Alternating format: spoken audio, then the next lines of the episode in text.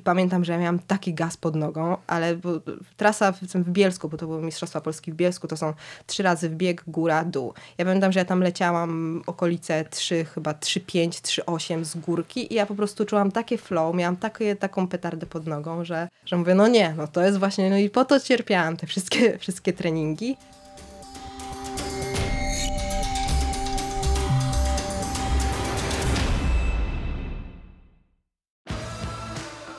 22 Poznań Maraton to doskonała okazja, by poczuć atmosferę biegów ulicznych, zmierzyć się ze swoimi ograniczeniami, a także zawalczyć o roczny support marki Hoka, czyli partnera tego odcinka. Podczas targów towarzyszących wydarzeniu będziecie mogli odwiedzić stoisko Hoka, która przygotowała dla uczestników maratonu zabawę, gdzie można zgarnąć m.in. aż 6 par butów. Jakie konkurencje czekają zawodników, którzy pojawią się w strefie hoki? To m.in. znana nam wszystkim gra Kamień Papier Nożyce czy rozpoznawanie buta marki w Mystery Boxie. Liczy się czas, zebrane punkty i odrobina szczęścia. Czy czujecie się wystarczająco zmotywowani, by podjąć rękawice i wziąć udział w walce aż o 6 par butów? Mam nadzieję, że tak. Takie spotkania to doskonała okazja do wspólnej zabawy i dzielenia się pozytywną energią. Zachęcam do odwiedzenia stoiska hoki, bo jeśli jesteście prawdziwymi wojownikami, to po prostu nie może Was tam zabraknąć. Szczegóły akcji na Facebooku Hoka Runners Poland. Cześć, tu Kuba Pawlak, witam Was w audycji RaceSpace podcasty o bieganiu. Jeżeli korzystacie z tych treści, to pamiętajcie proszę, że aby nadal mogły być one dla Was bezpłatne i przygotowane pod względem merytorycznym, to potrzebny jest również Wasz wkład w postaci ocen na Spotify'u, subskrypcji na YouTubie oraz poleceń innym biegaczom. Za wszystkie te rzeczy z całego serca Wam dziękuję. W dzisiejszym odcinku porozmawiamy o dwóch koncepcjach, które w bieganiu na wysokim poziomie od zawsze ścierają się ze sobą. Jedna mówi o tym, że kluczem do sukcesu jest e, trening ładujący i słuchanie własnego organizmu. Dobrze pamiętam na przykład rozmowę z Janem Churukiem, jednym z najlepszych polskich maratończyków w historii, który opowiadał mi, że w treningu zawsze zostawiał sobie rezerwę, a wodze fantazji zdarzało mu się puszczać co najwyżej na dwóch ostatnich odcinkach e, na treningu interwałowym. Mówił też, że treningi, które realizował do tak zwanego wyjechania w okresie przygotowawczym do startu, dało się policzyć dosłownie na palcach jednej ręki. W podobnym tonie o swoich przygotowaniach mówiła chociażby rekordzistka Polski w półmaratonie, czyli Karolina Nadolska, lub też trener naszej mistrzyni Europy w maratonie, czyli Oli Lisowskiej, mam na myśli tutaj Jacka Wośka. Opozycją do tego jest kult niemal takiej katorżniczej pracy, podsycany w wyobraźni wielu pojawiającymi się w mediach re relacjami szaleńczo trudnych jednostek, wybiórczo wrzucanych przez biegaczy. E, często zwiastują one wyniki, których ostatecznie zawodnikom nie udaje się zrealizować i z tego powodu bywają podważane, bywają obiektem drwin lub kwitowane są stwierdzeniem, że zamiast na zawodach dany zawodnik sprzedał formę już na treningu. Nie można jednak przejść obojętnie obok koncepcji niezwykle wymagającego treningu, patrząc na to, jak trenują najlepsi na świecie, niezależnie od tego, czy mówimy o biegach ulicznych, górskich czy bieżni. Mistrzowie i ich trenerzy do perfekcji opanowali balansowanie na cienkiej linii, e, przetrenowania i naginania granic możliwości w ogóle ludzkiego organizmu. Tu przykładem może być chociażby Kelvin Kiptum, czyli świeżo upieczony rekordzista świata w maratonie, którego trener zdradził ostatnio dla Let's Run, że tygodniowy kilometraż niejednokrotnie przekraczał tam 300 kilometrów. E, nie krakersuje również choćby legenda biegów górskich, czyli Kilian Jornet, którego treningi okazywały się niemożliwe do powtórzenia dla naszego topowego górala, czyli Bartka Przedwojewskiego, o czym opowiadał z trenerem, e, szukając inspiracji właśnie w szkole katalończyka. Próbując zbliżyć się do odpowiedzi na pytanie, jak ciężko należy trenować, w dzisiejszym odcinku postanowiłem wspólnie z Wami przeanalizować trening Martyny Młynarczyk, która wiele sukcesów i medali Mistrzostw Polski wywalczyła jeszcze pod panieńskim nazwiskiem Kantor. W tym roku Martyna dokonała czegoś e, spektakularnego, co szczególnie może dodać e, smaczku naszej rozmowie.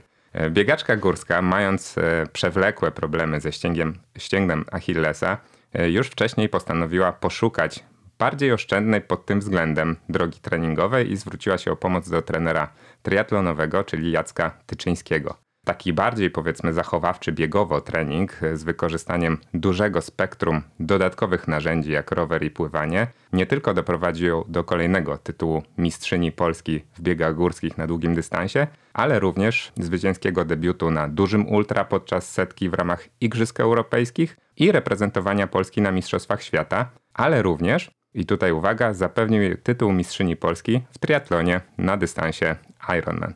Zawodniczce udało się więc nieco prawą ręką sięgnąć do lewej kieszeni ja dziś wspólnie z Wami postaram się rozgryźć jej treningowy sekret oraz prześledzić ile i jak intensywnie biegała, a gdzie zastosowała skuteczne substytuty biegania.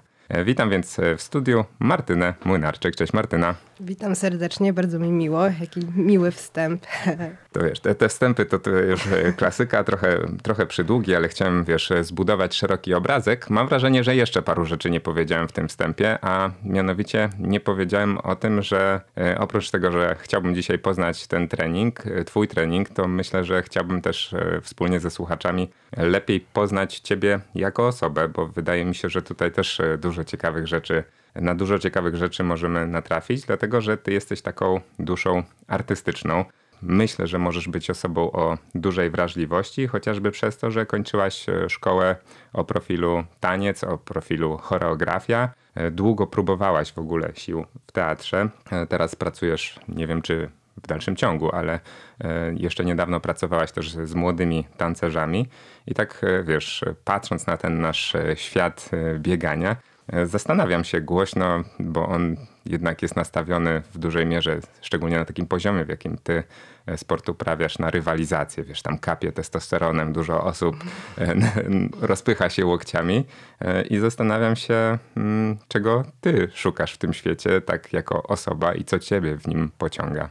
Początek był taki, że ja zaczęłam pracę w teatrze i w sumie potrzebowałam trochę odskoczni od tego, co, co tam się dzieje. No bo wiadomo, że, że jakby i, i całe studia i cała, cała ta, ta, ten początek e, mojej, e, mojej pracy jako, jako tancerz, no to było takie spełnienie, spełnienie marzeń na tamten moment.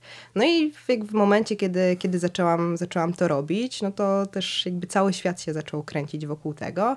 No i też potrzebowałam czegoś, co, co trochę mi odciągnie, odciągnie głowę. I trafiłam na początku do, do ulicznego biegania, co jakby było w porządku, no ale w momencie, kiedy, kiedy trafiłam, trafiłam w góry i też, też te, te, nie wiem, emocje, które, które towarzyszą na, na szlakach, one w jakiś tam sposób są, się, się jakby łączą z tą, z, tą, z tą taką moją duszą artystyczną i to jest trochę takie robienie tego, tego po swojemu, więc myślę, że odnalazłam też jakiś taki, taki spokój w tych, w tych górach i, i taką przyjemność z przebywania e, w, w, tym, w tym środowisku. Natomiast y, też myślę, że ja mam taką duszę, która tam lubi rywalizować i to jest coś, co, co też mnie w jakiś tam sposób nakręca do, i, i napędza do, do działania, więc myślę, że też to pozwoliło mi też odkryć po prostu trochę inną stronę, której wcześniej jakby nie, nie, nie była podbudowywana przez, przez to, jakim środowiskiem jest, jest środowisko taneczne, więc na pewno, na pewno gdzieś mogłam trochę się wyżyć bardziej.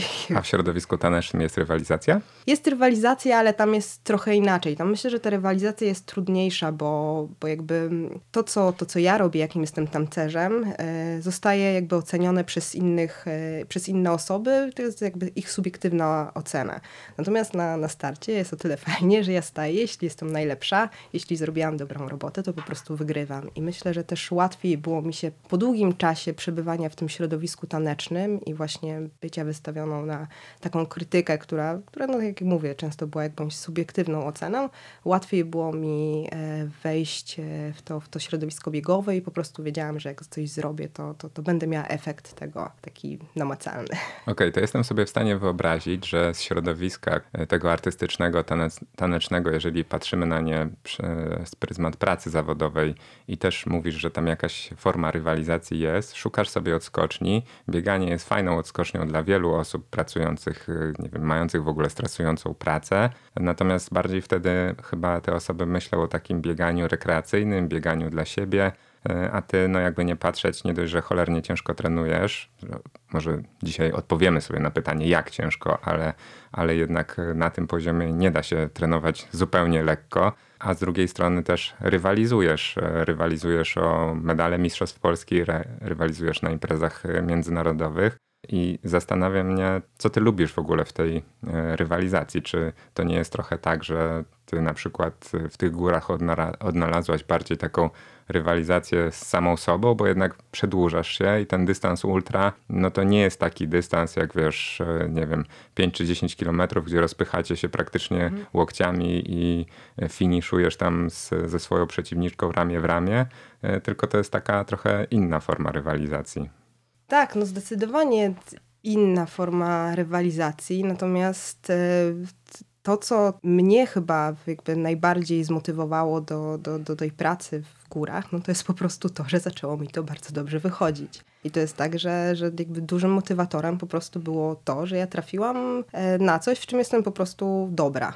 Więc, więc to też pociągnęło dalej historię, że, że jakby wchodząc, wchodząc w swoje pierwsze starty górskie, byłam w stanie już tam osiągać jakieś takie wyniki i, i jakby automatycznie poszło, poszło to dalej. I myślę, że teraz jakby z tej, z tej perspektywy myślę, że ja mam dużo większy potencjał do po prostu do sportu niż miałam do tańca. I myślę, że w tańcu tak zupełnie szczerze byłam dobra, a w bieganiu jestem bardzo dobra, jakby w sportach wytrzymałościowych. Co... A po tylu latach siedzenia w tym hermetycznym, tanecznym środowisku, które też ma swoją mocną specyfikę, y, nie miałaś takiego odczucia wchodząc właśnie do świata biegania, gdzie dużo e, tych osób, no nie ukrywajmy, jest mocno zafiksowanych na wynik. E, gdzieś tam ten świat biegów górskich w Polsce szczególnie nie jest aż taki duży i tam, wiesz, te, te wszystkie pozycje krzesełka są mocno obsadzone i na pewno na taką nową osobę gdzieś tam różne emocje spadają. Nie miałaś po prostu takiego po ludzku wrażenia, że może trochę tam nie pasujesz?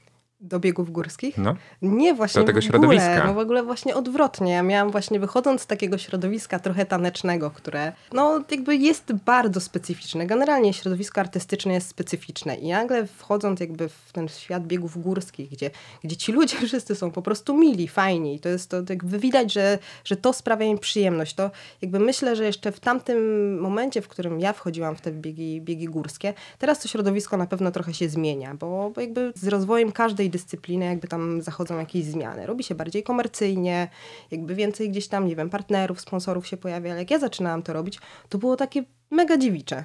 Więc to było, to, to jakby było taką właśnie fajną odskocznią, gdzie nagle wszyscy się uśmiechają, gdzie zbijają sobie piątki. Ja pamiętam, że jak trafiłam na jakieś tam pierwsze swoje treningi biegowe do, do grupy porannego patrolu, gdzie mnie gdzieś tam za, jakby wy, wyhaczyli na jakichś zawodach. My się spotykaliśmy o godzinie czwartej nad ranem, robiliśmy jakieś w ogóle kosmiczne dystanse wtedy. To, to było wszystko tak, tak, tak naturalne i tak, tak fajne. Fajni, prości ludzie, tacy, tacy z taką zajawką, jakby, jakby widać to, że, że każdy potrzebuje, jakby potrzebował, potrzebuje w tym środowisku znaleźć po prostu taki fan, przyjemność. I myślę, że jest też mniej takiej takiej jakby rywalizacji było na zdecydowanie na, na tamtym poziomie, a teraz myślę, że ona się pojawia, natomiast też nie mam jakby, chyba jeszcze nigdy nie czułam się w jakikolwiek sposób przytłoczona tym, tym środowiskiem, więc może albo jakby tego nie widzę, to, to, to pewnie jest to spoko, że, że mam jakąś taką jakby niewrażliwość na to, e, albo może po prostu nie, nie, nie trafiłam jakoś jeszcze na, na to, żeby gdzieś tam mocno się musieć. A musiałaś, e, nie wiem, może teraz już nie musisz, ale chociażby na początku e, trochę, wiesz, udawać taką nie wiem, stojąc na linii startu, taką wiesz, twardą, hardą dziewczynę, będąc w rzeczywistości gdzieś tam kształtowana w tych e, takich e, bardziej wrażliwych, bardziej artystycznych e, obszarach do tamtego momentu? Hmm. Chyba o tym nigdy nie myślałam w ten sposób, ale nie, chyba, chyba nie. W ogóle nie, chyba nie w ogóle takiej, jeśli chodzi o jakąś taką strategię, przybieranie jakiejś takiej strategii startowej, że, że nie wiem, jakąś taką, taką postawę, no to, to myślę, że chyba, chyba nie grałam e, nigdy wcześniej. Myślę, że bardziej by się to w triatlonie trochę sprawdziło niż e, może niż w biegach górskich, ale nie, jakby nie, nie, nie czuję, że, że tak było. Dlaczego w triatlonie by się sprawdziło? Co Bo trochę jest inne to środowisko triatlonowe i też jakby w, weszłam też e, trochę tak e, z takiego może wysokiego C do, do tego środowiska triatlonu i też... E, Wkorzyłaś tam wszystkie dziewczyny po prostu, wiesz, e... przyszłaś z biegów górskich i sobie zgarnęłaś w Mistrzostwo sensie, Polski. No, no to też jest tak z tym Mistrzostwem Polski, no jakby też trzeba, trzeba powiedzieć, że, że e, te wyniki, które, które ja osiągnęłam w tym, w tym sezonie jakby triatlonowe, no to, to ono mocno, bardzo mocno dobiegają od tego, co się, co się robi na świecie. Więc na, w, tym, w tym środowisku w, w Polsce, to chyba był trzeci wynik w ogóle w, na pełnym dystansie w tym roku, to jest dobry wynik. Natomiast jakby jak porównamy to z, to z poziomem światowym, no to to jest, no, więc ja też mam to z tyłu głowy, że, że to, to nie jest jakieś wow osiągnięcie. Fajnie, bo mi się szybko to udało osiągnąć, mm. natomiast... E... Z jednej strony fajnie, że wiesz, taka skromność przez ciebie przebija, ale ja muszę tutaj e, jakby naszym słuchaczom, którzy być może nie śledzą e, świata triatlonu za mocno, też zobrazować to, że no jednak Martyna, pamiętaj, że ty się do triatlonu jako tako nie przygotowujesz docelowo, no tak? Tak, tak. To jest, to, myślę, Wy robicie jest... z trenerem sobie jakąś bazę, a potem te, ten kalendarz twoich startów to jest tak naprawdę pełen rozstrzał, tak? Od biegów ultra, biegów górskich krótszych przez e, triatlon no i nie można nazwać cię, wiesz, osobą, która docelowo się do tego przygotowuje, więc trudno oczekiwać, żebyś porównywała się z wynikami międzynarodowymi. No zresztą tak jak rozmawiałem kiedyś z twoim trenerem, to on powiedział, że widzi taki potencjał, że gdybyś na przykład chciała ukierunkować się w tą stronę, to wcale nie jest powiedziane, że nie miałabyś szans być gdzieś tam w międzynarodowej elicie startować. To, to miło ze strony Jacka, że tak powiedział. Natomiast y, no, jakby na Myślę, że nie mówił tego po to, żeby było ci miło, albo, tutaj, żeby nam w studio się zrobiło miło, tylko znając jego analityczne podejście, tak. E, myślę, że coś w tym może być. E, no tak, no to tak jak e, gdzieś tam wspominałam, to nie jest jakby celem. To, to jest jakaś tam droga, którą, którą realizuję. No dobra, to cofnijmy się e, trochę w czasie, bo już wspomniałaś o tym, że bieganie było mm, dla ciebie odskocznią od tańca.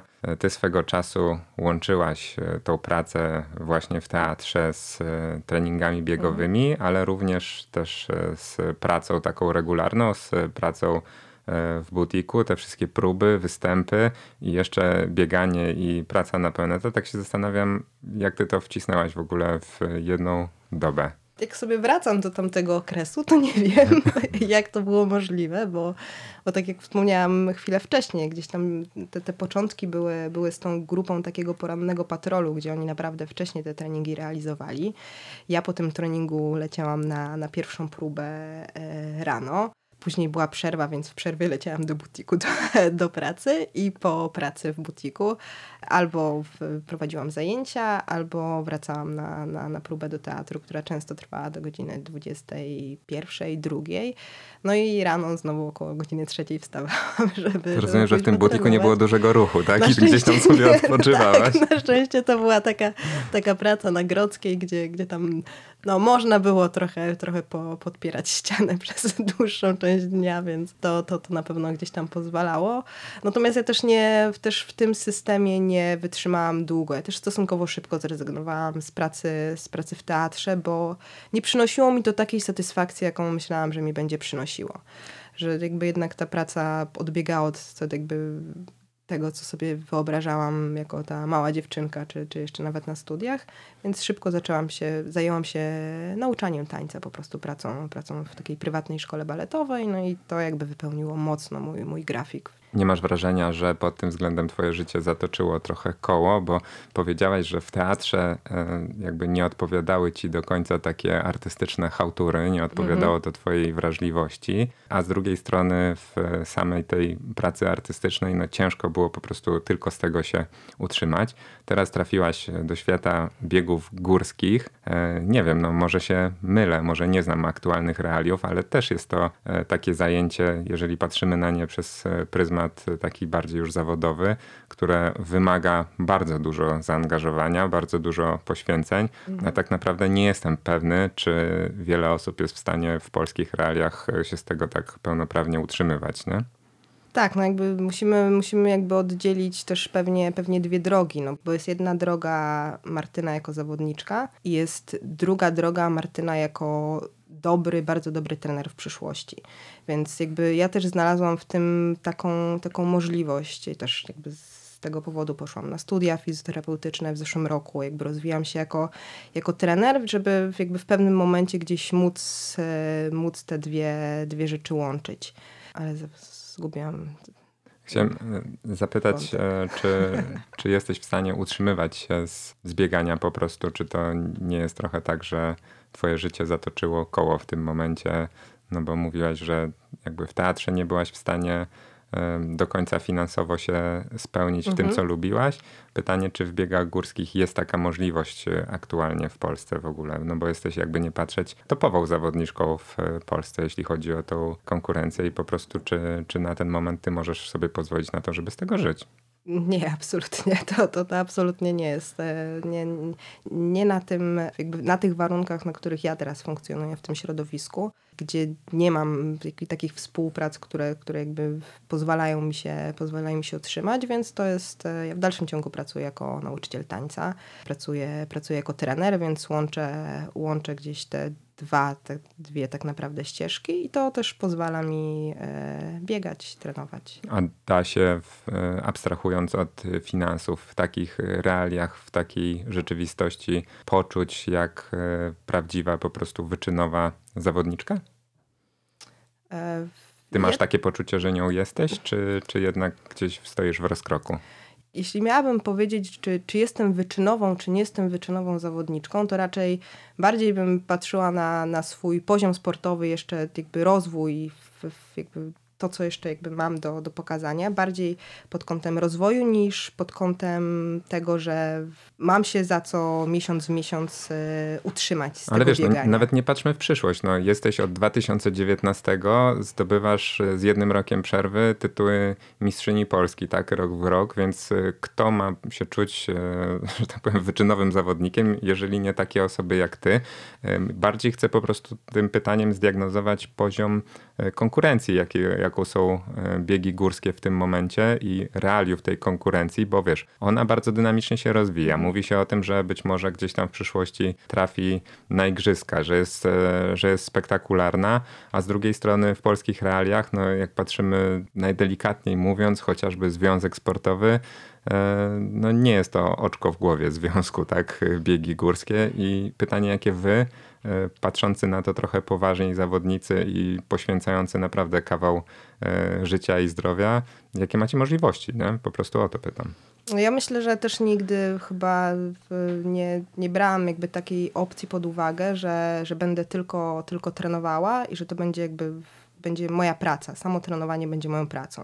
Myślę, że też jest jakby dużo, dużo pobocznych tematów, które, które ja potrzebuję mieć. Myślę, że to jest, to jest trochę tak jak, trochę jak z tym tańcem i z tą, z tą pracą w teatrze, że jeśli bieganie stałoby się moją pracą, to obawiam się, że mogłoby mnie trochę za bardzo to przytłoczyć, więc ja muszę mieć pootwieranych kilka tam, kilka jakichś tam drzwi dookoła, żeby też czuć jakąś taką, taką równowagę w tym wszystkim, więc ja w sumie nigdy nie planowałam, żeby, żeby być biegaczem zawodowym. Czy jest to w tym momencie możliwe na, jakby na tym poziomie polskim? No, Bartek Przedwojewski pokazuje, że, że, że jakby bardzo dobrze sobie radzi, więc myślę, że, że tych opcji, tych możliwości będzie, będzie coraz więcej, bo ta dyscyplina się e, rozwija. Natomiast nie wiem, czy ja, ja z moim wiekiem jeszcze się na to załapię. No, ale też nie miałam a, nigdy takich aspiracji. A w jakim jesteś wieku? E, ja jestem Przepraszam, 8, że tak pytam, ale, ale, ale sama, sama to Ja jestem 8-9, więc to już no, ale jeszcze zostało mi trochę. No nie, no patrząc na to, że się przedłużasz, bo ewidentnie idziesz e, w stronę dłuższych dystansów, dłuższych biegów i chyba ultra to jest, mhm. E, to jest jednak to, gdzie docelowo e, będziesz szukała tak, swoich, wiesz, najlepszych startów, no to, to jeszcze spokojnie z tym wiekiem. Tak, no ale to też właśnie w tym, w tym roku miałyśmy taką refleksję z, na, na Mistrzostwach Świata z dziewczynami, że jak była tam Parada Narodów i, i obserwowałyśmy te, te, inne zawodniczki z innych krajów, no to przy tych biegach ultra Hiszpanki, które mają tam ponad, e, ponad 40 lat, to jest raczej taki, taki standard. No i świetnie rywalizują, są na świetnym poziomie, więc to jest coś takiego, że, że ta, ta granica wieku ona się przesuwa e, cały czas, więc to jest bardzo fajne. Zresztą nie wiem, spójrzmy na, na, nie wiem, na Dominikę Stelmach, która cały czas jakby jest, jest konsekwentnie, buduje jeszcze swój, swój poziom sportowy i też bardzo fajnie się prezentuje, więc to, to, są, to, to jest y, motywujące i, i fajnie, że, że trafiłam do takiego sportu, który będę mogła robić, e, robić długo tak naprawdę i, i, i, gdzieś tam jeszcze, jeszcze się w nim rozwijać. A później, jak już się nie będę rozwijała, to pewnie i tak będzie to gdzieś tam moją jakąś taką zajawką, pasją i to można robić długo po prostu.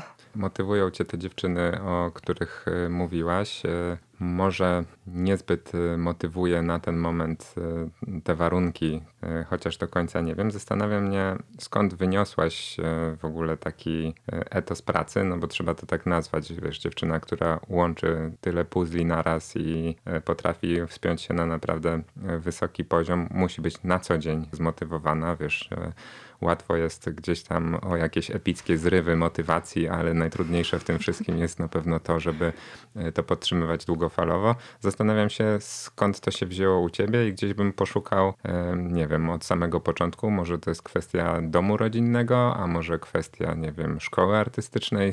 Skąd taki etos pracy się wyciąga? Myślę, że, że zarówno z tańcem, jak i, i, z tym, i z bieganiem jest tak, że ja to po prostu musiałam czuć. I dla mnie jakby, jakby nigdy nie, nie potrzebowałam jakby motywacji, żeby pójść na trening taneczny. Pamiętam, że bywało tak, że jak rodzice wracali z wywiadówki w szkole i tam się okazywało, że, no, że było trochę uwag, bo ja z zachowaniem miałam tak różnie w, w podstawówce, no to najgorszą karą, którą mogłam dostać, to, że nie będę mogła pójść na trening. I to była po prostu, to jakby nic gorszego jakby nie mogło się wydarzyć, więc ja po prostu uwielbiałam to robić i nigdy nie potrzebowałam jakby takiej motywacji do, do pracy w tym kierunku. Tak samo, tak samo było na studiach, jakby też studia miałam tak poukładane, że miałam, ja studiowałam taniec i choreografię, więc mieliśmy, mieliśmy od rana do, do, do wieczora jakieś tam zajęcia na uczelni, oczywiście jakby teoretyczne i praktyczne, no ale jeszcze był czas, żeby coś ewentualnie zrobić po zajęciach. Więc ja pamiętam, że, że z taką moją przyjaciółką Martą jeszcze wybierałyśmy jakieś dodatkowe zajęcia, gdzie tylko można jeszcze pójść, po, potańczyć, coś zrobić, pojechać na warsztaty, więc jakby nigdy nie potrzebowałam jakby motywacji do tego, bo absolutnie czułam, czułam się jakby w tym dobrze i e, oczywiście jakby myślałam o, o, o rozwoju w, jakby w tej dyscyplinie, ale po prostu sprawiało mi to wielką przyjemność. I trochę tak samo jest, e, tak samo jest z bieganiem. Oczywiście, że, że są takie momenty, gdzie, gdzie jakby potrzebuje się motywować.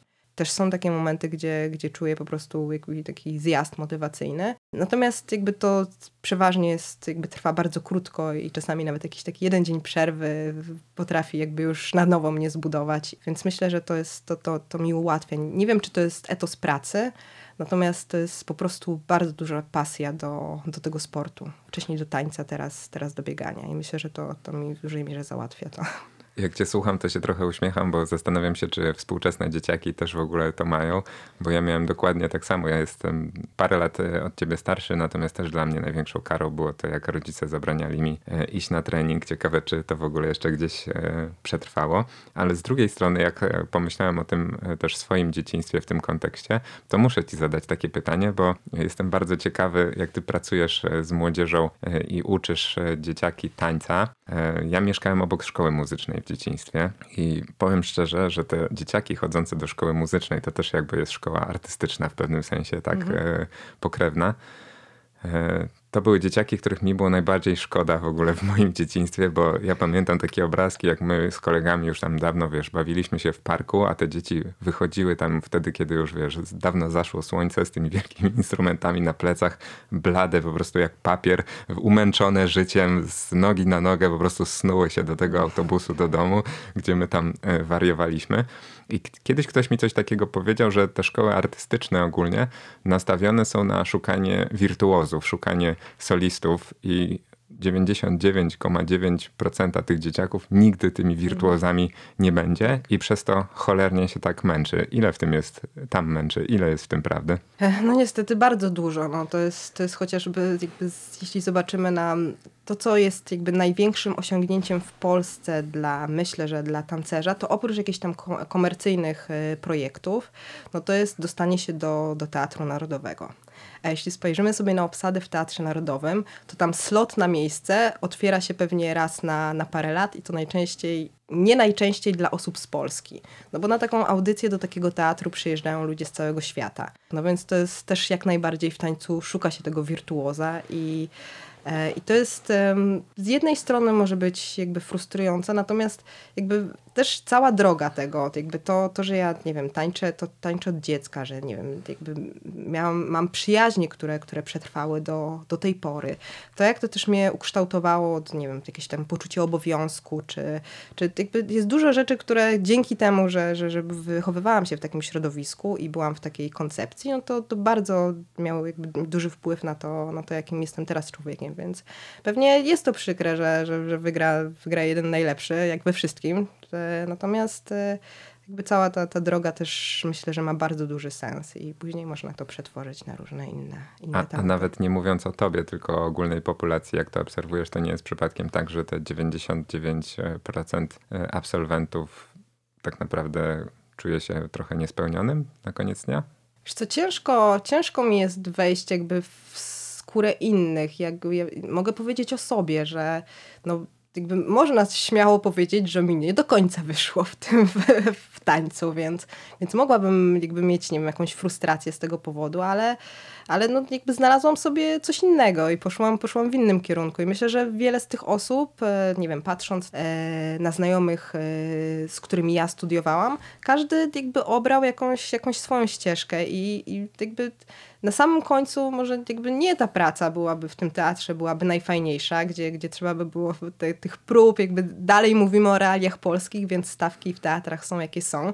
To na pewno byłoby jakimś takim spełnieniem, natomiast to niekoniecznie jakby, jakby musi, musi być coś, co da nam radość na, na samym końcu. No mi na przykład nie dało, jakby finalnie, jakby oczywiście nie dostałam się do tego najlepszego teatru w Polsce, natomiast finalnie mi też nie dało takiej energii, czy, czy, czy takiej, takiej radości, czy spełnienia, jakie myślałam, że mi da. Powiedziałeś, że masz e, przyjaciół w dalszym ciągu znajomych z tego środowiska, a masz wielu przyjaciół z środowiska biegów górskich. Z kim najmocniej się trzymasz e, z tego świata? Ja to w ogóle jestem trochę takim samotnikiem, tak to do zasady, więc raczej to są, to ze środowiska górskiego to, to, to są znajomości niż, e, niż jakieś e, duże zażyłości i przyjaźnie. Ja też trochę, nie wiem czy tak jest, ale to też mi kiedyś mój, mój tato powiedział, że, że najlepsze przyjaźnie na całe życie jakby zawiera się na studiach. I trochę tak się, tak się u mnie stało, że, że, że to, to, to grono, z którym ja się bardzo, bardzo dobrze wtedy trzymałam. Może to jest kwestia tego, że wtedy wszyscy byliśmy na tym samym poziomie, że, że jakby nie, nie trzeba było nikomu niczym imponować i po prostu inaczej się tą, tą przyjaźń zawierało. To u mnie to, to, to, to jakby przetrwało do teraz i, i to są takie osoby. Oczywiście jakby to, to, to środowisko biegowe jest na pewno też, też fajne, ale jakby akurat w moim przypadku gdzieś więcej tych przyjaźni przetrwało z tych czasów studenckich. No ale pewnie znasz się z dziewczynami na tyle dobrze, jeździcie chociażby razem na, nie wiem, wyjazdy kadrowe i tak, i, tak. i tak dalej, że wiesz jak one e, trenują, bo zastanawia mnie, tak wiesz, zmierzając w stronę tematu dzisiejszego odcinka, ale na razie tak w bardzo szerokim obrazku, czy jak rozmawiasz sobie z e, innymi dziewczynami, które biegają w górach, to masz takie wrażenie, że przez to, że współpracujesz z Jackiem Tyczyńskim, robicie to w trochę inny sposób, używacie tych narzędzi triatlonowych, e, to trenujesz na przykład trochę lżej niż e, pozostałe dziewczyny będące na podobnym poziomie? Na pewno trenuję inaczej jakby ciężko, ciężko określić, czy ten trening jest lżejszy, dlatego że może jest mniej takich epickich bodźców, o, o, o, których też, też wspomniałeś na, na, na początku, którymi gdzieś tam pewnie można się, się pochwalić na, na strawie i też jakby, jakby historycznie u mnie też takie jednostki się zdarzały, że jak tam, nie wiem, pobiegłam 20 km ciągłego w jakimś tam tempie, no to to fajnie się prezentowało na, prezentowało na strawie. Myślę, że zdecydowanie mniej tego, tego w tym momencie u mnie, u mnie w treningu. Natomiast jakby pytanie jak, jakby jak mentalnie, no bo, bo czasami jakby wejście na trenażer i zrobienie 4-godzinnego ciężkiego treningu na trenażer, a nawet nie musi być ciężki, po prostu jest długi. 4 godziny jeżdżenia do ściany, cały Netflix już jest ogarnięty, podcast Kuby dawno się skończył, bo jest generalnie za krótki na te jazdy na rowerze, więc, więc to też jakby często bywa takim mentalnym wyzwaniem, nie wiem, też połączenie tych dyscyplin, to, że ja trenuję dwa razy dziennie najczęściej, dlatego, że jakby trzeba gdzieś ten, ten trening triatlonowy który jest objętościowo dużo, dużo większy, upchnąć. Natomiast Natomiast e, też jakby widzę, że, że nie wiem, chociażby Kasia Solińska też, też bardzo jakby dużą objętość treningową robi. Ja tam nie widzę na tych jej wszystkich relacjach, że ona się jakoś męczy. Wygląda po prostu na super zadowoloną z tego, że to robi, więc ciężko mi, ciężko mi jest powiedzieć. Na pewno, tak jak mówię, trenuję, trenuję zupełnie inaczej niż też ja trenowałam jeszcze parę lat temu. Dzisiaj przekonasz się, e, tak abstrahując a propos tego, co powiedziałeś, że e, podcasty Kuby są za krótkie. Faktycznie bardzo dużo osób, was słuchających pisze, że, że czemu tak krótko, że jeszcze by chciało dłużej, dłużej, dłużej. E, dzisiaj myślę, że Martyna może na koniec odcinka wam powie, jak to jest gadać przez półtorej godziny, bo ja, uwierzcie mi, zaglądam moim rozmówcom głęboko w oczy i widzę, że naprawdę taka rozmowa wywołuje jakieś zmęczenie materiału i na sam koniec mówi się dużo trudniej, więc e, okay. ten, ten czas e, nie, nie wziął się znikąd, tak? I, e, I to nie jest jakieś tam widzi mi się. Martyna, przejdźmy do tego mięska treningowego, bo ja sobie zrobiłem taki research Twoich trenerów.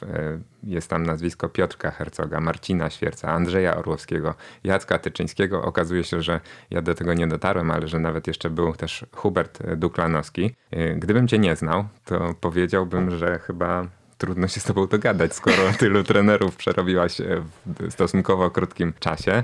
E, może to wynika z tego, że sama jesteś e, trenerką i trenerką też motoryczną i masz swoją filozofię i ci trenerzy po prostu nie chcieli jakichś e, kompromisów z tobą, a ty im dużo narzucałaś. Nie wiem, dlaczego tak się stało?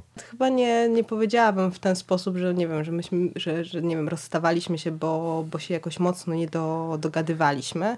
To po prostu był jakiś dalszy etap mojego rozwoju i ja bardziej w ten sposób na to patrzę, bo bo tak jak, jak zaczynałam pracę z Piotrkiem Hercogiem na samym początku, bo to był mój pierwszy trener, do którego trafiłam po, po w sumie dwóch latach takiego dosyć randomowego biegania. I Piotrek, Piotrek bazował na, na, na takiej, takiej periodyzacji liniowej, więc, e, więc ten trening był taki, taki dosyć spokojny, wprowadzający. Ja tam też, e, też na, jakby Oczywiście, tak jak chyba każdy ma, i znaczy nie, nie, każdy, ale większość nieświadomych biegaczy, że jakby ja bardzo dużo startowałam. I ten, te, te pierwsze lata to w ogóle były takie, że ja u Piotrka Hercoga rok w rok robiłam ponad 20 startów w ciągu sezonie. Jak mamy od kwietnia sezon do, do listopada, no to nie trudno policzyć, że to jest ponad dwa starty w ciągu, w ciągu, w ciągu miesiąca. Więc tego było dużo. Później trafiłam do, do Huberta Duklanowskiego, u którego, który jak, jak przyszłam z dzienniczkiem, z dzienniczkiem Piotrka Hercoga, to, to powiedział, pamiętam, że to był wtedy listopad, więc ja już jakby trochę wtedy myślałam o roztrenowaniu i pamiętam, że Hubert powiedział, no to bazę mamy zrobioną, to teraz możemy zacząć trenować. I z Hubertem nie pracowałam długo, natomiast to była taka bardzo, bardzo intensywna, intensywna współpraca. Jak u Piotrka Hercoga w ogóle nie ruszaliśmy takich wysokich stref intensywności biegania ponad progiem, tam tych przemian ponad, beztlenowych, to, to u Huberta nagle jakby dotykaliśmy głównie te, te, te, te jednostki. U niego też nie, nie było kontroli tętna, wszystko było na, na tempo, na na odcinki, więc, e, więc to była krótka współpraca, natomiast ona bardzo mocno wywindowała moje prędkości do góry. I teraz z tej perspektywy jakby wiem, że, że my chyba pracowaliśmy 7 miesięcy z, ze sobą, później to się, to się rozpadło. Oczywiście w moim przypadku to się skończyło kontuzją, no bo to też jest jakaś taka konkluzja, która, do której jakby już po, po kilku latach doszłam, że, że u mnie intensywność nie jest do końca dobrym, dobrym pomysłem. A to już była ta kontuzja, która jakby towarzyszy ci przez ten długi czas? To już tak, to już były początki kontuzji przeciążenia Hillesów, ale tam jeszcze, jeszcze wtedy miałam problemy z, z więzadłami w stopie, więc tam były dwie rzeczy, które gdzieś tam się na na, siebie wtedy nałożyły. A te, wtedy... one są skorelowane ze sobą, tak? Niekoniecznie, nie. W sensie jakby w Achilles to było coś, co, co, co jakby już wtedy zwiastowało, że to może być mój problem też poprzez moją jakby tam przeszłość, przeszłość taneczną. Natomiast akurat y, taką główną kontuzją, którą miałam u, u Huberta, to były przeciążenia w więzadłach stopy, więc to nie jest jakby ze sobą powiązane. To, to wynikało po prostu z dużej intensywności treningu, ale już wtedy zaczęły się gdzieś pojawiać te, te problemy z Achillesami. Więc później trafiłam do Marcina Świerca, który jakby... Okej, okay, wiesz co, powiem stop tutaj. No. Zaraz sobie pogadamy okay. właśnie o tych poszczególnych etapach etapach, bo myślę, że to jest e, cholernie ważne, żeby mówiąc o Twoim dzisiejszym treningu, też właśnie e, spojrzeć na to, co robiłaś e, dotychczas, chociaż mhm. wiem, że Jacek Tyczyński na przykład aż tak głęboko, jak przyszłaś do niego, nie sięgał mhm. i nie prześledził tak dokładnie tych y, wszystkich bodźców, nie miał takiej potrzeby, jeżeli chodzi o wszystkich trenerów. Ja bym trochę chciał dzisiaj to zrobić, ale odpowiedz proszę najpierw na to pytanie, skąd te aż tak częste zmiany? Czy ty tak naprawdę y, w żadnym z tych trenerów y, dotychczas nie znalazłaś takiej osoby, z którą byś chciała pracować bardzo długo, czy uważasz po prostu, że te zmiany koncepcji, zmiany szkół, niezależnie od tego, jak dobrze dogadujesz się z trenerem, jaki fajny on ma warsztat, po prostu służą ci. Generalnie zmiany mogą jakby przynosić, e, przynosić jakby odpowiednie, jakby fajne rezultaty. Ja myślę, że, że do tej pory i, i mam nadzieję, że, że jakby w tej współpracy, w, którą, w której teraz jestem, bo w niej się czuję bardzo dobrze, myślę, że do tej pory po prostu nie, nie trafiłam na swój model treningowy. Myślę, że to było coś, co, co, co miało rację się sprawić, ale sprawdzić, w krótkim okresie trwania. Więc, więc te szkoły, przez które, które przechodziłam, one jakby były jakoś tam budujące, natomiast jakby miały ograniczenie czasowe. I mam wrażenie, że teraz to, na co, na co trafiłam, jest tym trochę takim strzałem w dziesiątkę. Natomiast niewykluczone, że gdyby te wszystkie rzeczy po drodze się nie zadziały, no to, to, to jakby nie mogłabym realizować tego, co teraz realizuję. A myślisz, że kwestie charakterologiczne tutaj odegrały duże znaczenie? Powiem ci dlaczego to pytanie, bo ja w ogóle nie chcę cię, wiesz, wpuszczać w maliny i gdzieś tam naciągać na to, żebyś wypowiadała się o byłych mhm. trenerach, bo to w ogóle nie o to chodzi w tej audycji. Tylko tak mi się wydaje, e, wiesz, ja mało znam ciebie, mało znam Jacka, ale na tyle, na ile wam poznałem, to widzę taki mocny wspólny mianownik w was. Wy jesteście takimi e, oboje osobami, takimi, nie wiem, niepretensjonalnymi, nie rozpychającymi się tutaj na dzień dobry e, łokciami i pokazującymi, wiesz, e, co to nie ja i widzę w was dużo po prostu takiego dystansu, takiej pokory, takiego, nie wiem, myślę, że jesteście w pewien sposób do siebie podobni pod względem podejścia mhm. do sportu e, i nie masz wrażenia, że to jest e, może jakiś ważny czynnik tego, że oprócz szkoły trenerskiej też e, to Tak, że po prostu tak, tak no? że, że, że jakby jest ten klik między, tak. między nami, czyli, czyli ta współpraca od, od samego początku jakby zaskoczyła. Też e, z Jackiem też często się w sumie tak spotykamy i pogadać e, po treningu, więc jakby po treningu, o treningu, więc no myślę, że to, to też to, że, że, że po prostu jakby jest gdzieś tam ten wspólny vibe, to, to, to absolutnie też, też jest bardzo ważne, szczególnie, szczególnie jeśli pracujemy jak jakby już jakby z dorosłymi ludźmi, tak? Więc, więc jakby ten, ta relacja trener-zawodnik, ona nie jest taka, że, że ktoś tam stoi e, nade mną z, z, ze stoperem i mi mówi dokładnie, co ma robić, tylko to też musi być po prostu na, na, na trochę innych zasadach, innych warunkach i po prostu myślę, że tak, że charakterologicznie z Jackiem jakby gdzieś, gdzieś pasujemy do, do siebie i też jakby myślę, że, że mamy podobną, podobną może wizję trochę, może to gdzieś się też, też łączy, więc... To wracamy do twojej opowieści. Powiedziałaś o tym, że zaczęłaś trenować z Piotrkiem Hersogiem, że tutaj była taka mocna liniowa periodyzacja, mhm. że to było dobre na początek e, rozwoju, że było dużo startów. Potem e, trafiłaś pod skrzydła Huberta Duklanowskiego, który sprawdził twój silniczek i bazowaliście dużo na szybkich jednostkach treningowych i że bardzo dzięki temu poszłaś do przodu, jeżeli chodzi o tak zwany zapas prędkości i myślę, że to jest e, nawet w górach do dzisiaj taką twoją bardzo mocną cechą, zwłaszcza w kontekście biegów tych długodystansowych i ultra.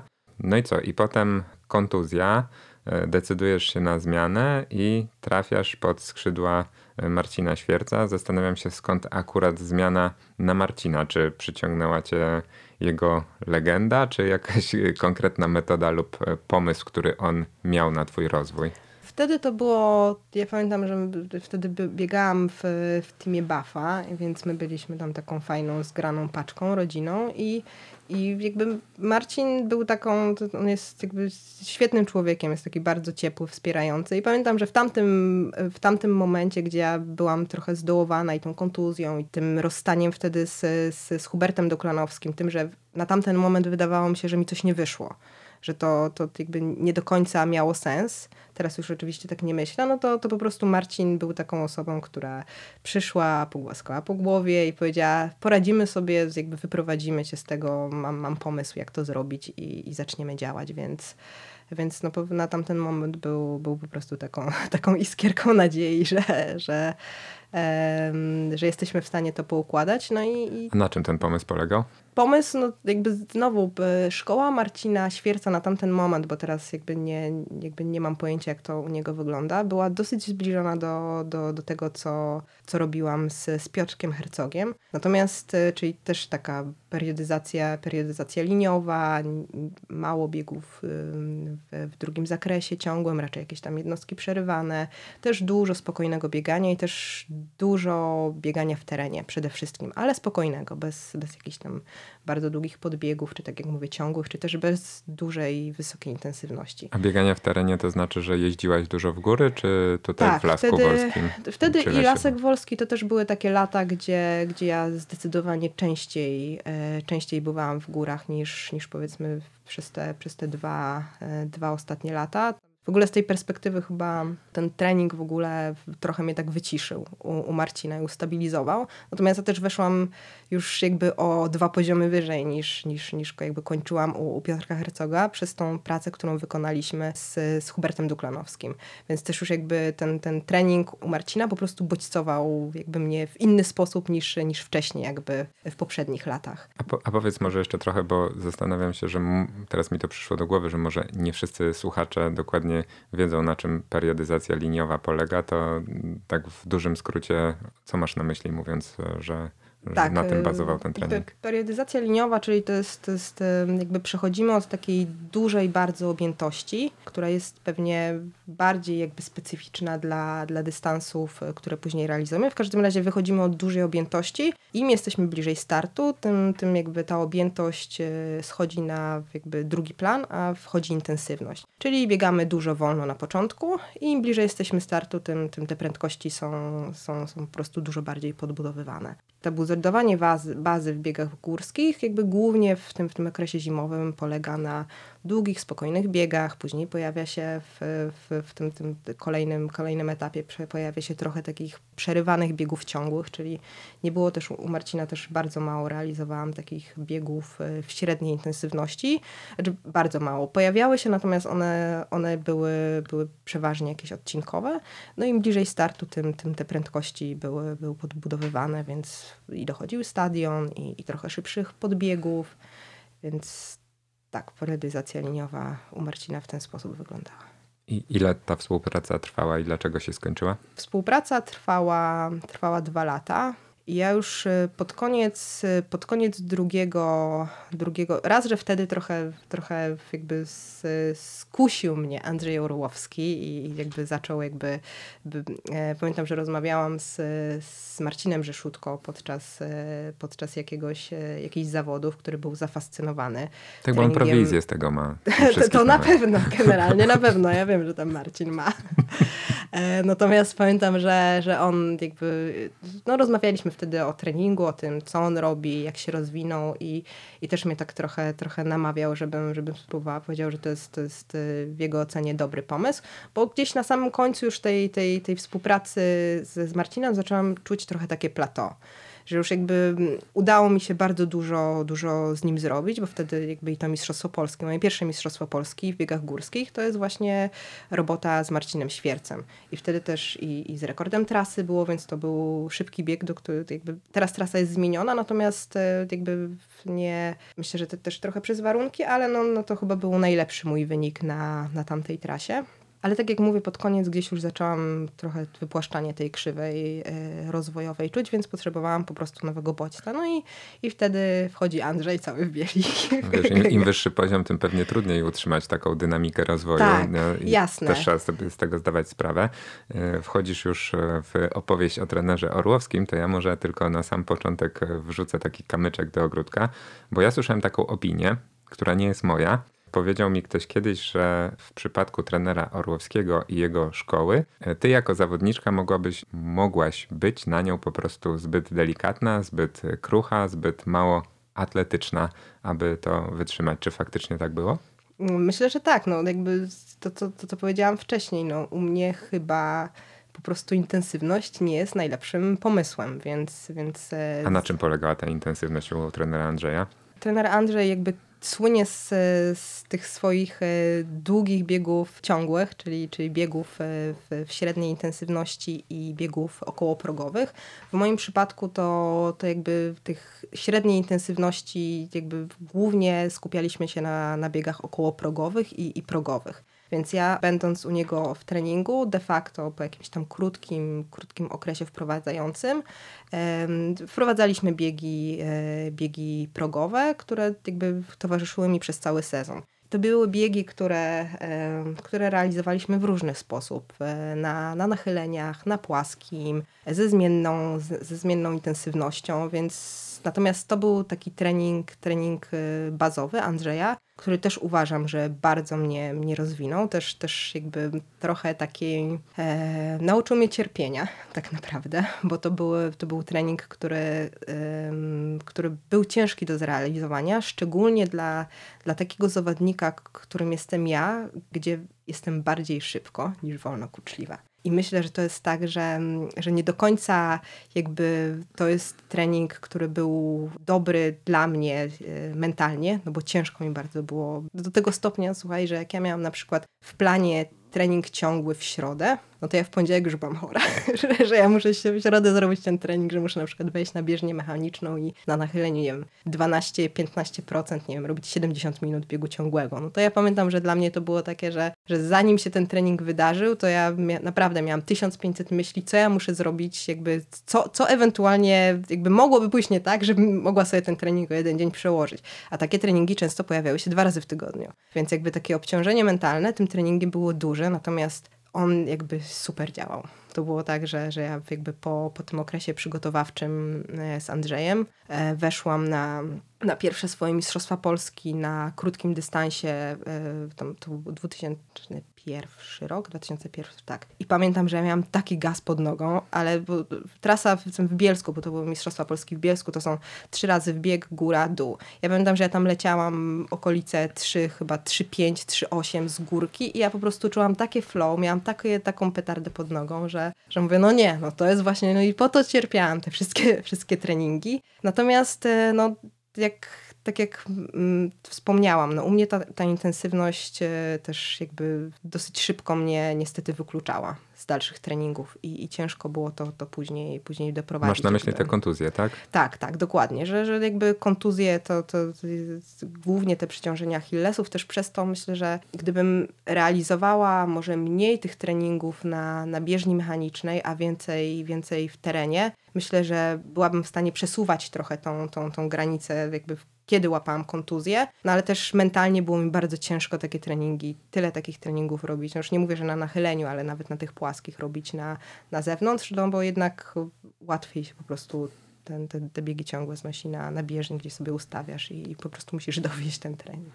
A powiedz mi, czy da się nauczyć takiego cierpienia? Bo powiedziałaś, że ty mocno cierpiałaś e, w tej szkole e, długich biegów e, ciągłych. Zastanawiam się, bo to nie padło wprost, czy koniec końców przyzwyczaiłaś się do tego, czy opatrzyło ci się to na tyle, że potem już nie przesuwałaś, nie, nie unikałaś? Tak, myślę, że myślę, że znaczy jakby do samego końca jakby nie byłam jakby oczywiście jakby wyrzut endorfin po takim treningu jest olbrzymi. Jak się zrobi taką, taką jednostkę, no to to jest pewnie dużo fajniejsze niż jak pójdę pobiegać jakieś, nie wiem, minutówki na, na, na zewnątrz, więc jakby ma to swoje dwie strony medalu. Natomiast do samego końca one były dla mnie jakby psychicznie obciążające, pewnie w zależności od tego, jak byłam zmęczona ogólnym treningiem i jak mi to wychodziło, no to, to, to, to, to, jakby to tak jak na zawodach trochę, no, że jak już coś zrobisz, jak już zrobiłeś, to jesteś zadowolony, ale w momencie, kiedy to robisz, czy tam jesteś przed tym, no to, to jest obciążające. Myślę, że nie do końca się jakby do tego zaadoptowałam w 100%,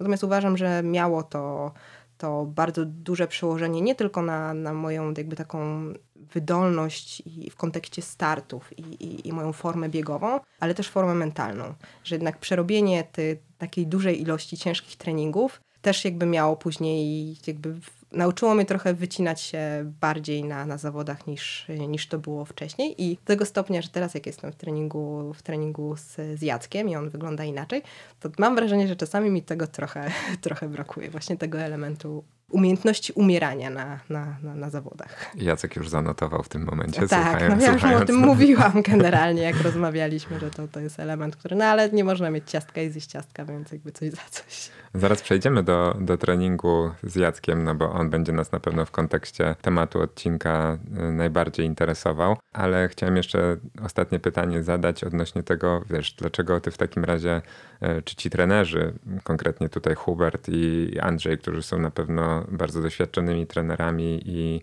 uznanymi i mają szeroki warsztat narzędzi. E, dlaczego było tak, że jeżeli e, uznaliście, że ta intensywność e, tobie nie służy ze względów zdrowotnych, to nie szukali ci, nie wiem, innej drogi, ty nie wymuszałaś, tylko postanawiałaś, że, że zmienisz w ogóle wszystko? Nie, nie, nie. No z Andrzejem absolutnie po, po pierwszym sezonie, który, który gdzieś też się tam skończył wcześniej niż, niż początkowy był plan, no to, to podeszliśmy, z, podeszliśmy z takim założeniem, że, że próbujemy to, to zmienić, że już, już zaczęliśmy przenosić część jednostek treningowych na rower. Ten udział roweru wtedy był zdecydowanie większy niż w tym pierwszym roku z pracy z Andrzejem. A to, to że, że jakby trafiłam na, na, na Andrzej, na, na Jacka Tyczyńskiego, to jakby jak się zakończyła ta współpraca, to trochę było, to jakby to była moja wina, bo, bo ja w pewnym momencie po prostu byłam w takim dołku, bo, bo znowu gdzieś tam złapałam na, na początku Zresztą to było w zeszłym roku, na, na, na początku sezonu, po pierwszych Mistrzostwach Polski, po, e, po jakimś tam krótkim, krótkim obozie treningowym, znowu złapałam takie zapalenia ścięgien Achillesa, że nie byłam w stanie chodzić.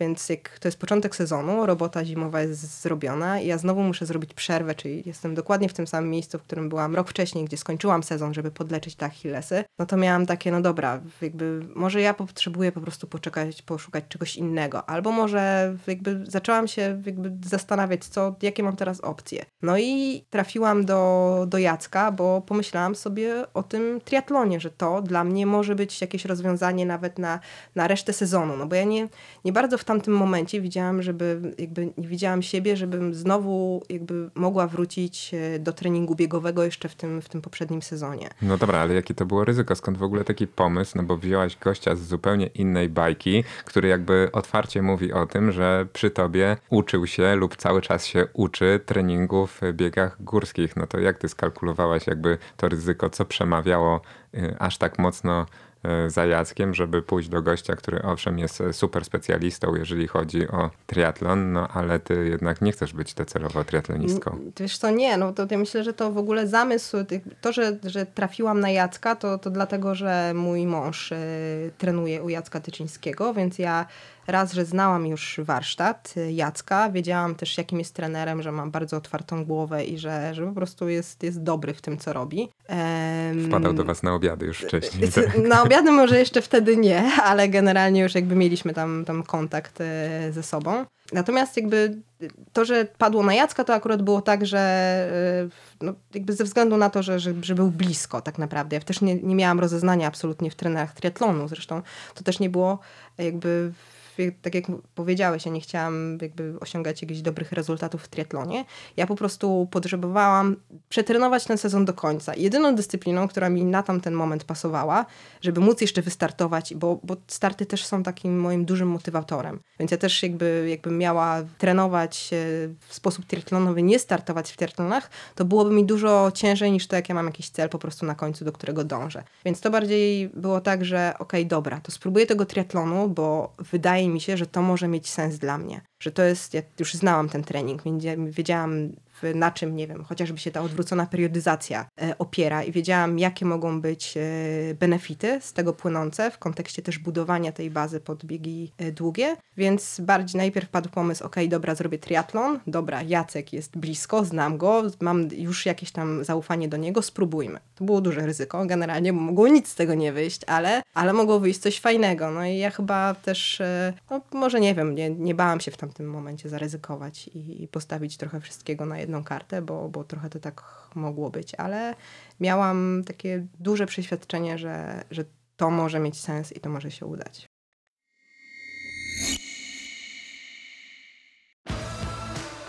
22 Poznań Maraton to doskonała okazja, by poczuć atmosferę biegów ulicznych, zmierzyć się ze swoimi ograniczeniami, a także zawalczyć o roczny support marki Hoka, czyli partnera tego odcinka.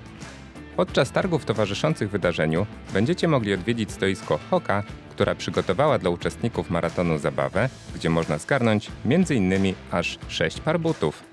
Jakie konkurencje czekają zawodników, którzy pojawią się w strefie hoki? To m.in. znana nam wszystkim gra Kamień Papier Nożyce czy rozpoznawanie buta marki w Mystery Boxie. Liczy się czas, zebrane punkty i odrobina szczęścia. Czy czujecie się wystarczająco zmotywowani, by podjąć rękawice i wziąć udział w walce aż o 6 par butów? Mam nadzieję, że tak. Takie spotkania to doskonała okazja do wspólnej zabawy i dzielenia się pozytywną energią. Zachęcam do odwiedzenia stoiska hoki, bo jeśli jesteście prawdziwymi wojownikami, to po prostu nie może Was tam zabraknąć. Szczegóły akcji na Facebooku Hoka Runners Poland.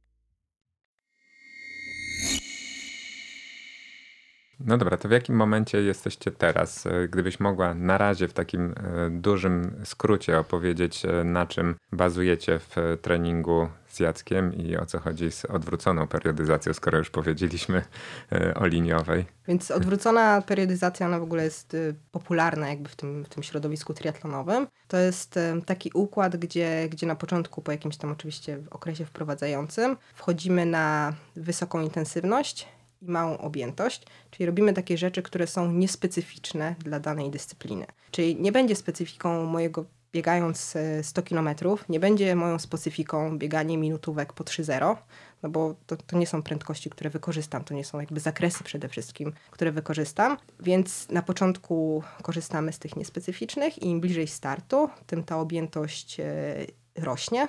No i zbliżamy się do tych, do tych temp, do, do objętości, do intensywności, która jest jakby specyficzna dla, dla dystansu, który, który chcę pokonać. Więc na tym jakby mniej więcej w takim w telegraficznym skrócie polega odwrócona periodyzacja. Jak ja sobie myślę o e, tegorocznym Twoim sezonie, czyli połączeniem biegów górskich i triatlonów w przygotowaniach pod e, dystans Ironman, e, no to tak sobie myślę, że największym problemem, który tak mi się nasuwa, jest to, że taki trening triatlonowy, łączenie jakby trzech konkurencji, no to jest w dużej mierze praca na takich nakładających się bodźcach i na takim ogólnoustrojowym zmęczeniu, bo tego treningu jest e, w sumie, jakby to sumować dosyć dużo, mimo że on jest mniej intensywny. I zastanawia mnie to, czy da się w tym właśnie takim modelu odnaleźć e, przestrzeń, na pewno się da i jak wy to robicie, na takie biegowe akcenty, które musisz robić,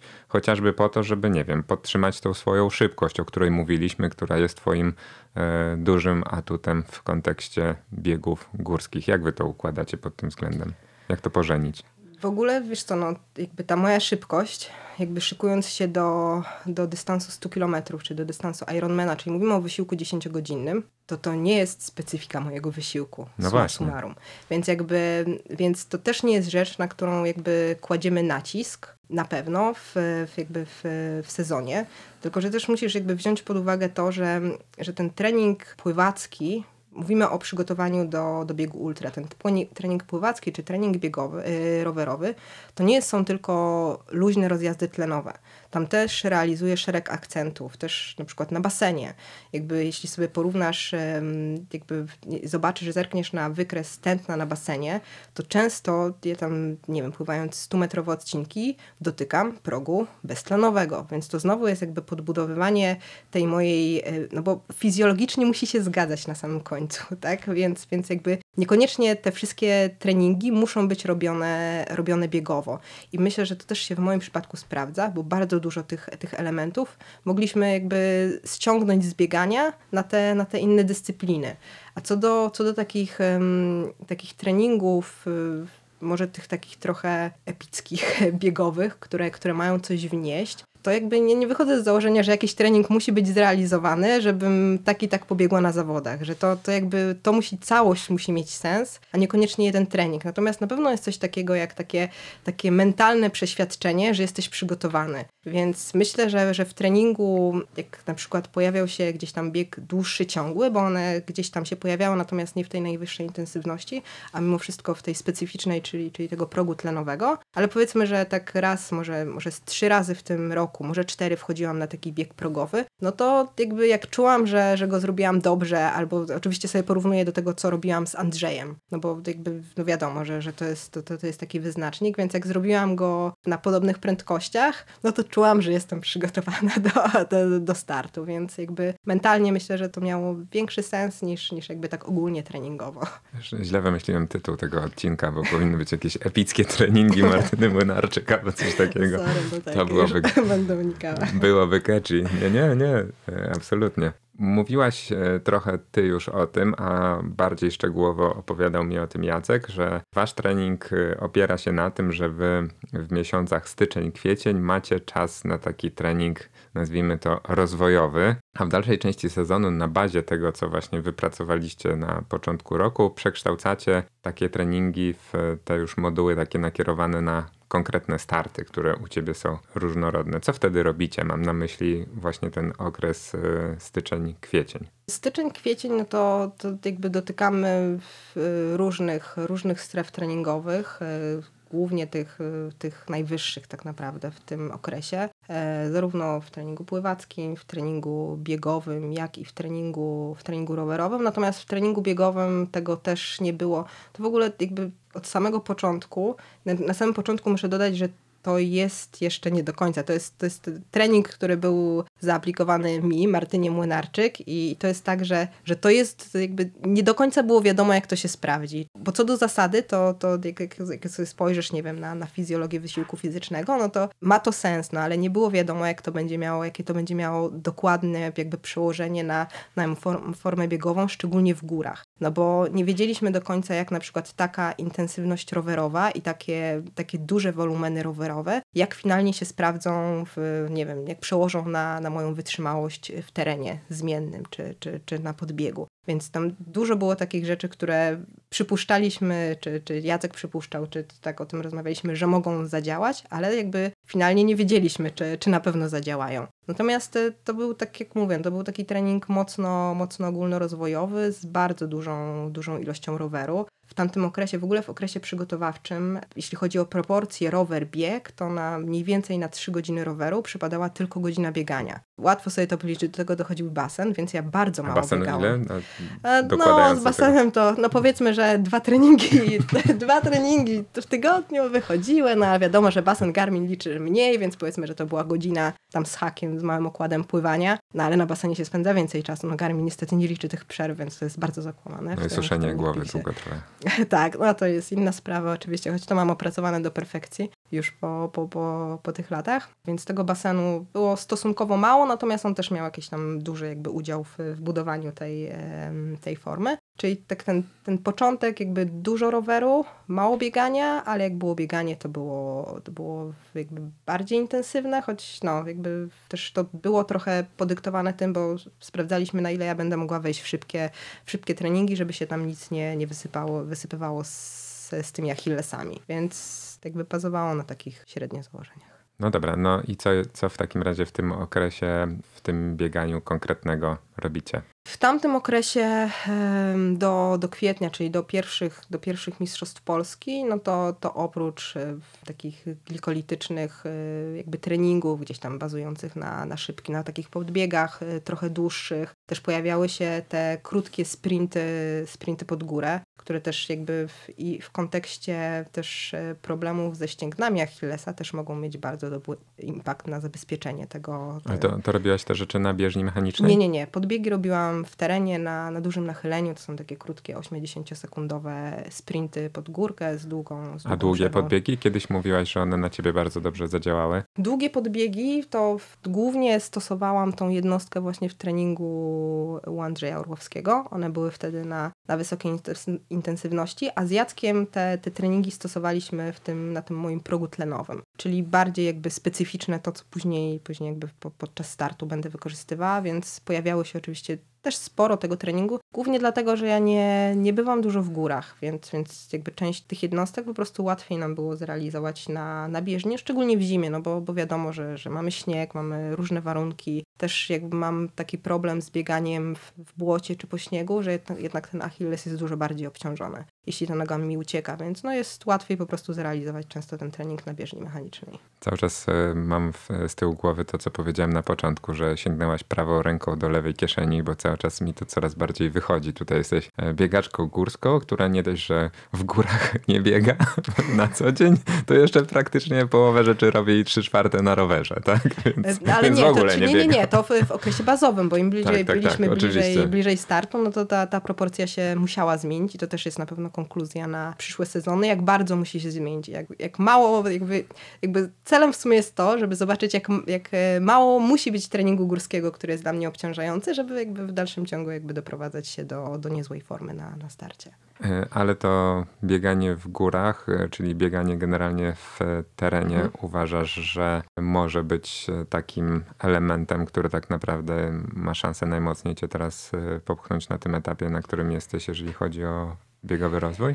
Tak, no jakby myślę, że to, czego mi brakuje e, po tym roku, czego, gdzie widzę braki, to umiejętność poruszania się w trudnym technicznie terenie.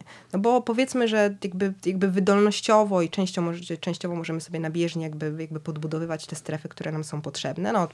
Biomechanicznie oczywiście to będzie odbiegało od tego, co, co, co, co robimy w terenie. Natomiast jakby jesteśmy częściowo w stanie jakby tą pracę przełożyć. Ale takie rzeczy, które jakby trochę determinują bieganie e, w terenie, czyli nie wiem, chociażby to, to czucie głębokie, na które też taki duży nacisk e, kładzie Andrzej Orłowski, to są rzeczy, które też jakby muszą iść, muszą iść w parze. I, i częściowo w, jakby w takim treningu zastępczym jakby jesteśmy w stanie sobie to zrobić, ale dużo tak naprawdę, dużo tych rzeczy się dobrze dzieje, jak to robisz po prostu w terenie. Jeśli, nie wiem, mam start w, w Tatrach, no to no ciężko będzie przygotować się do biegu tatrzańskiego, gdzie specyfika tego terenu jest, jest taka, jaka jest. Ciężko mi będzie się przygotować na bieżni czy na płaskim, no bo mięśniowo jakby ten, ten, ten ruch nie będzie, nie będzie zabezpieczony, no i też układ nerwowy po prostu zupełnie inaczej będzie reagował na takie zbiegi, więc... No właśnie tu, tu zbiegi są szczególnie, tak. szczególnie wrażliwe i jak ty oceniasz po E, po tym całym sezonie, bo tobie zbiegi chyba dosyć dobrze wychodzą, to jest e, twoja mocna strona. Czy ty poszłaś do przodu, skupiłaś się na tym, żeby utrzymać to, co jest, czy może trochę regres zaliczyłaś? Raczej skupiłam się na tym, żeby dużo nie stracić jakby w stosunku do poprzednich lat. Myślę, że trochę straciłam. Myślę, że, że, że na, bieg, na, na zbiegach w tym momencie, jakby jak w poprzednich latach były taką moją bardzo mocną, mocną stroną, to w tym momencie pewnie jest coś, co, e, co można by było zrobić lepiej. Myślę, że są jakieś, pojawiają się jakieś takie pomysły, czy, czy, czy jak, można to, jak można to zrobić, żeby ta obecność jakby w górach była częsta, chociaż, często chociażby jakby, żeby trochę więcej wejść na, na te zbiegi w terenie. Bo próbuję sobie, e, słuchając Cię, odpowiedzieć na to pytanie, gdzieś tam zbliżyć do odpowiedzi na to pytanie, które jest e, głównym case'em naszego odcinka, czyli scharakteryzować po prostu na ile ciężki, czyli objętościowo i intensywnościowo mhm. trudny jest e, Twój trening. Bo jeszcze zabrakło mi właśnie takiej informacji, rozmawiając o tym wstępnym etapie styczniowo-kwietniowym, powiedziałaś, że proporcje roweru do biegania są w tym okresie mniej więcej jak 3 do 1, że tam, gdzie biegacie, to głównie robicie to dosyć intensywnie. Jest tam dużo elementów siły biegowej, y, biegania trochę gdzieś tam szybciej. Ale zastanawiam się, na jaką objętość to się łącznie y, składa, na ile może godzin treningowych, patrząc na to, że do tego dochodzi jeszcze basen tygodniowo. To jest też, też coś, co, co charakteryzuje ten, ten trening z Jackiem, że ta objętość w ciągu, w ciągu roku, ona się bardzo nie zmienia. Tak średnio, jak spojrzałam sobie w, w trening Pixa, to średnio wychodzi mi około 15 godzin treningowych w tygodniu. Więc zmienia się proporcja mm, danej jakby dyscypliny, natomiast raczej utrzymujemy tą stałą 15 godzin. Natomiast to też jest tak, że, że to to jest podyktowane pewnie taką. Ja się dobrze czuję na tej objętości 15 godzin, ale w, myślę, że, że w tym obszarze też jeszcze mam trochę do, do poprawienia, że, że już w kolejnym sezonie będę mogła wejść na większej intensywności, dlatego że w przygotowaniach do, do Ironmana, czyli do tej drugiej części, trochę do tej drugiej części sezonu teraz, weszliśmy na większe objętości i one mi wchodziły dużo, dużo lepiej niż to było rok wcześniej. Więc no to tak samo jakby tutaj progres też, też zaliczam. Myślę, że, że ta, ta objętość im będzie większa, tym też te, to, to będzie mnie mocniej progresowało. To domyślam się, że już e, przy 15 godzinach to często, znaczy często pojawiają się dni z e, dwoma treningami dziennie. Co wtedy łączycie? To zależy też od etapu przygotowań, bo e, częściej w sumie, w sumie łączymy bieganie z, z pływaniem, choć no, to, to, to też zależy od kalendarza, od, od zobowiązań, które są, jak jest często logistycznie. Myślę, że to, to na, pewno, na pewno to, co, tego, czego się trzymaliśmy, to żeby nieczęsto pojawiały się jednostki biegowe po, po sobie. I oczywiście szczególnie w okresie tym przygotowawczym, żeby zawsze przerywnikiem był albo rower, albo basen, żeby, żeby po prostu do tych uszkodzeń, których dochodzi, uszkodzeń mechanicznych podczas biegania, które mają wpływ na, na te moje przeciążenia Achillesów, żeby dać po prostu ten, ten, e, temu się na spokojnie zregenerować. Oczywiście im było bliżej startu, no to, no to pojawiały się gdzieś tam takie biegi, biegi zakładkowe, nawet pojawiały się biegi, jakby dwa biegi w ciągu dnia, Natomiast e, to też nie było tak, że, że to, było, to było stałe. To raczej było jakoś tam jako dodatkowy element y, treningu, a, a niekoniecznie było wpisane jakby w harmonogram tygodniowy. Okej, okay, a jeszcze tak jakbyś mogła pokrótce powiedzieć, bo już któryś raz nam wraca temat y, tych twoich wracających problemów z Achillesami. Ty masz zdiagnozowaną jakąś e, przyczynę tego? To, no to jest, jest, taka twoja uroda, taka anatomia?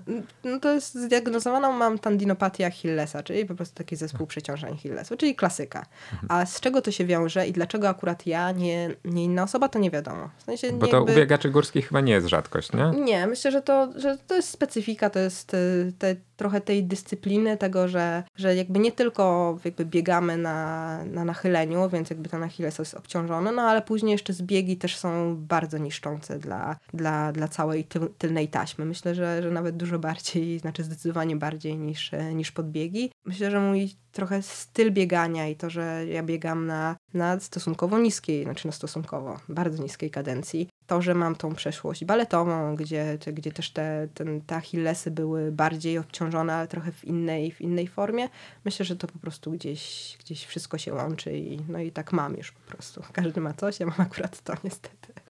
Powiedzieliśmy sobie o tym e, pierwszym okresie, takim na bazie którego przechodzicie potem do takiego treningu, który ma już przygotować do konkretnych e, startów. Podstawa to jest taki długi dystans e, w górach, idący w stronę ultra teraz. No ale jest też e, w tym kalendarzu treningowym triatlon, połówki, e, pełny dystans, a zdarza się nawet dyszka na ulicy tam w 34 minuty z okładem. Coś tam widziałem, że... Ale to jeszcze za Andrzeja. Tak, że, że w Krakowie pobiegłaś. Czy to ma jakąś strukturę taką na przestrzeni roku, typu nie wiem, od szybkości do objętości, czy w drugą stronę, czy te starty są jakoś, nie wiem, jak tym zarządzacie? W tym roku jakby jak układaliśmy, jak planowaliśmy kalendarz startowy, to jakby skupiliśmy się na jednym głównym celu na pierwszą część sezonu. Więc naszym głównym celem była e, krynicka setka i ten debiut na, na, na ultra. Więc e, wszystko, co się, co się działo jakby po drodze, to miało jakby mnie do, do, doprowadzić do, e, do tej krynickiej setki. Oczywiście tam po jakby w międzyczasie pojawił się, bo, bo jakby planując kalendarz startowy, jeszcze wtedy nie wiedziałam raz, czy będę miała kwalifikacje na Mistrzostwa Świata, czy, czy w ogóle będę biegła w Wielkiej Perchybie, czyli w Mistrzostwach, w Mistrzostwach Polski na długim dystansie. Więc jakby to były rzeczy, które, które jakby pojawiły się podczas już przygotowań. Natomiast one jakby nie, nie były czymś, co, co jakby musimy diametralnie zmieniać. Nie wywracało do góry Dokładnie, nogami. dlatego że w dalszym ciągu jakby mówimy o podobnej strefie treningowej, w której się mamy, w której mamy się docelowo przemieszczać, tylko musimy ją po prostu wydłużyć, co, co jakby w tej koncepcji odwróconej periodyzacji miało sens. Więc pierwsza część sezonu miała być na ultra na 100 km po górach, a druga część sezonu miała być zobaczymy jak będzie po setce. No bo ciężko było, biorąc pod uwagę moje dwa trzy ostatnie lata, to ciężko było jakby planować jakoś tak mocno drugą część sezonu, bo ja nie wiedziałam, były dwie koncepcje. Albo się uda dalej biegać w górach i dalej będę mogła, mogła realizować ten trening górski, albo będę musiała znowu trochę wyciszyć, wrócić do, no, znowu do takiego, takiego spokojnego, do większej jakby intensywności, czy większej, większego udziału e, różnych dyscyplin, no i zrobić triatlon. Więc od samego początku było albo albo robimy kolejny start górski, e, tam miało być akurat Austria i, i, później jeszcze start na CCC podczas UTMB, więc najpierw kwalifikacja, później, e, później start długi, albo triatlon. Więc jakby... No, i Krynica pokazała, że jest e, zajebiście, a mi, mimo to, tak. a potem Austria a pokazała, później... że jednak nie wszystko się da połączyć. To znaczy tak, no jakby, w, no jakby z Austrii finalnie, bo to był kat, to, to, to, to jest, nie mówimy o Mistrzostwach Polski, A. tylko mówimy o Mistrzostwach świata, świata, bo Mistrzostwa okay. Świata były tak, tak. przed, przed Krynicą, więc tam, to, to był też taki, no jakby to tam nie ma co, no po prostu tam jakby słabo się pokazałam na tych Mistrzostwach Świata i po prostu ten start nam nie wyszedł, więc, więc był z różnych powodów nie, nieudanym startem.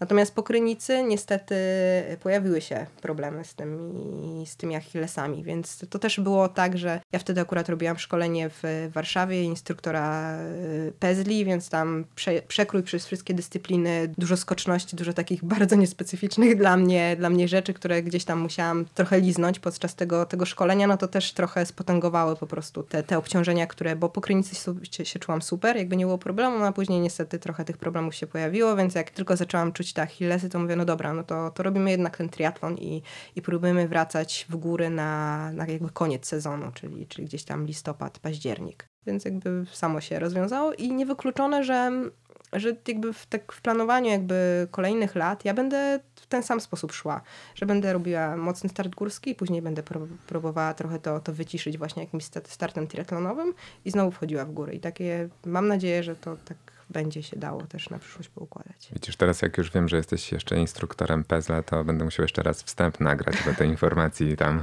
e, zabrakło kluczowej.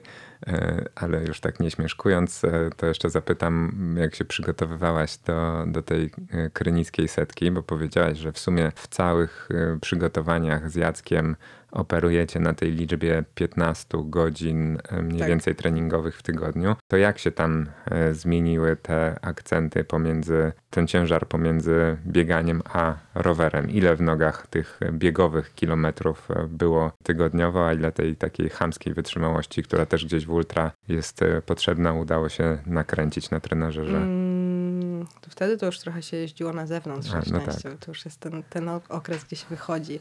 Wiesz co? Um, tak czy inaczej, ta proporcja, proporcja chyba były, miałam zrealizowaną chyba jeden albo dwa takie tygodnie, które jakby była przewaga biegu w stosunku, w stosunku do roweru, natomiast jakby to uprościć, to i tak było 50 na 50. Mhm. Czyli, czyli w tych takich um, najmocniejszych okresie, na tym najmocniejszym okresie te, tego, tego BPS-u, to, to, to tak czy inaczej był bardzo duży udział, udział roweru w tym, no mniej więcej 50 na 50. Wydaje mi się, że ty w tym roku w ogóle w, chyba praktycznie wszystkie starty, w których y, brałaś udział, wygrałaś, albo, albo się mylę. Jedynym wyjątkiem, który gdzieś tam nam tutaj e, już wyskoczył po drodze, były te mistrzostwa. Psuje statystykę. Tak, psuje statystykę w Austrii.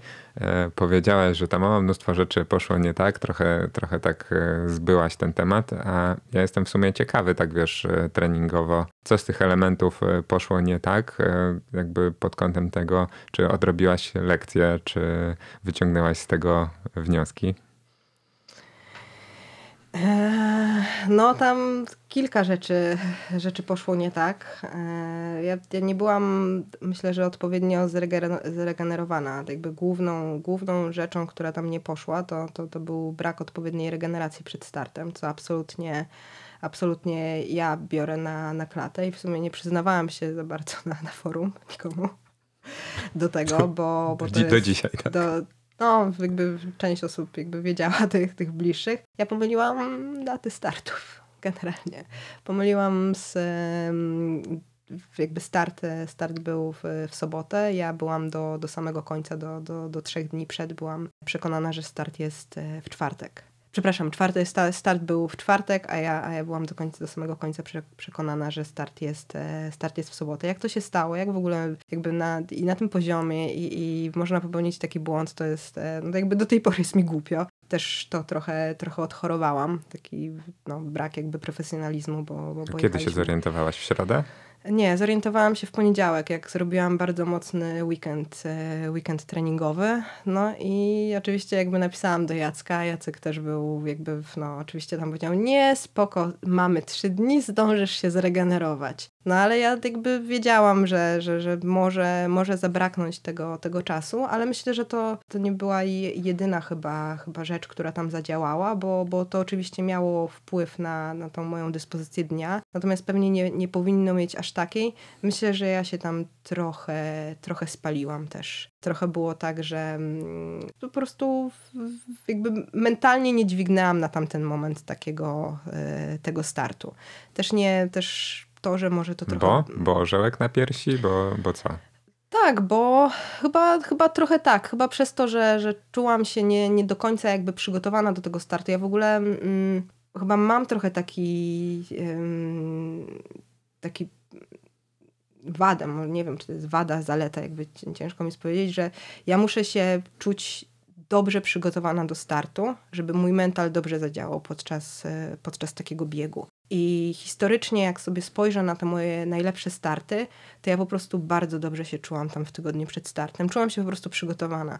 A tutaj, biorąc pod uwagę, że, że popełniłam ten fuck up, za przeproszeniem, z, z, tą, z tą datą, i jeszcze jakby czułam, że nie, nie nie zdążyliśmy do końca jakby z, z, z, robotą górską, dlatego że tam też trochę takich turbulencji miałam być dłużej w górach, ale, ale wypadł mi z, z powodów jakby prywatnych jakiś tam dłuższy, dłuższy pobyt. Więc też miałam niestety coś takiego, że, że nie czułam się tam do końca do tych Mistrzostw Świata przygotowana. To były Mistrzostwa Świata, to jechaliśmy z wielką reprezentacją. Wszyscy jakby byli na, nastawieni na, na też taki sukces drużyny. No i też kolejną rzeczą było to, że mm, ja jako jedyna startowałam na, e, na tym dystansie e, długim.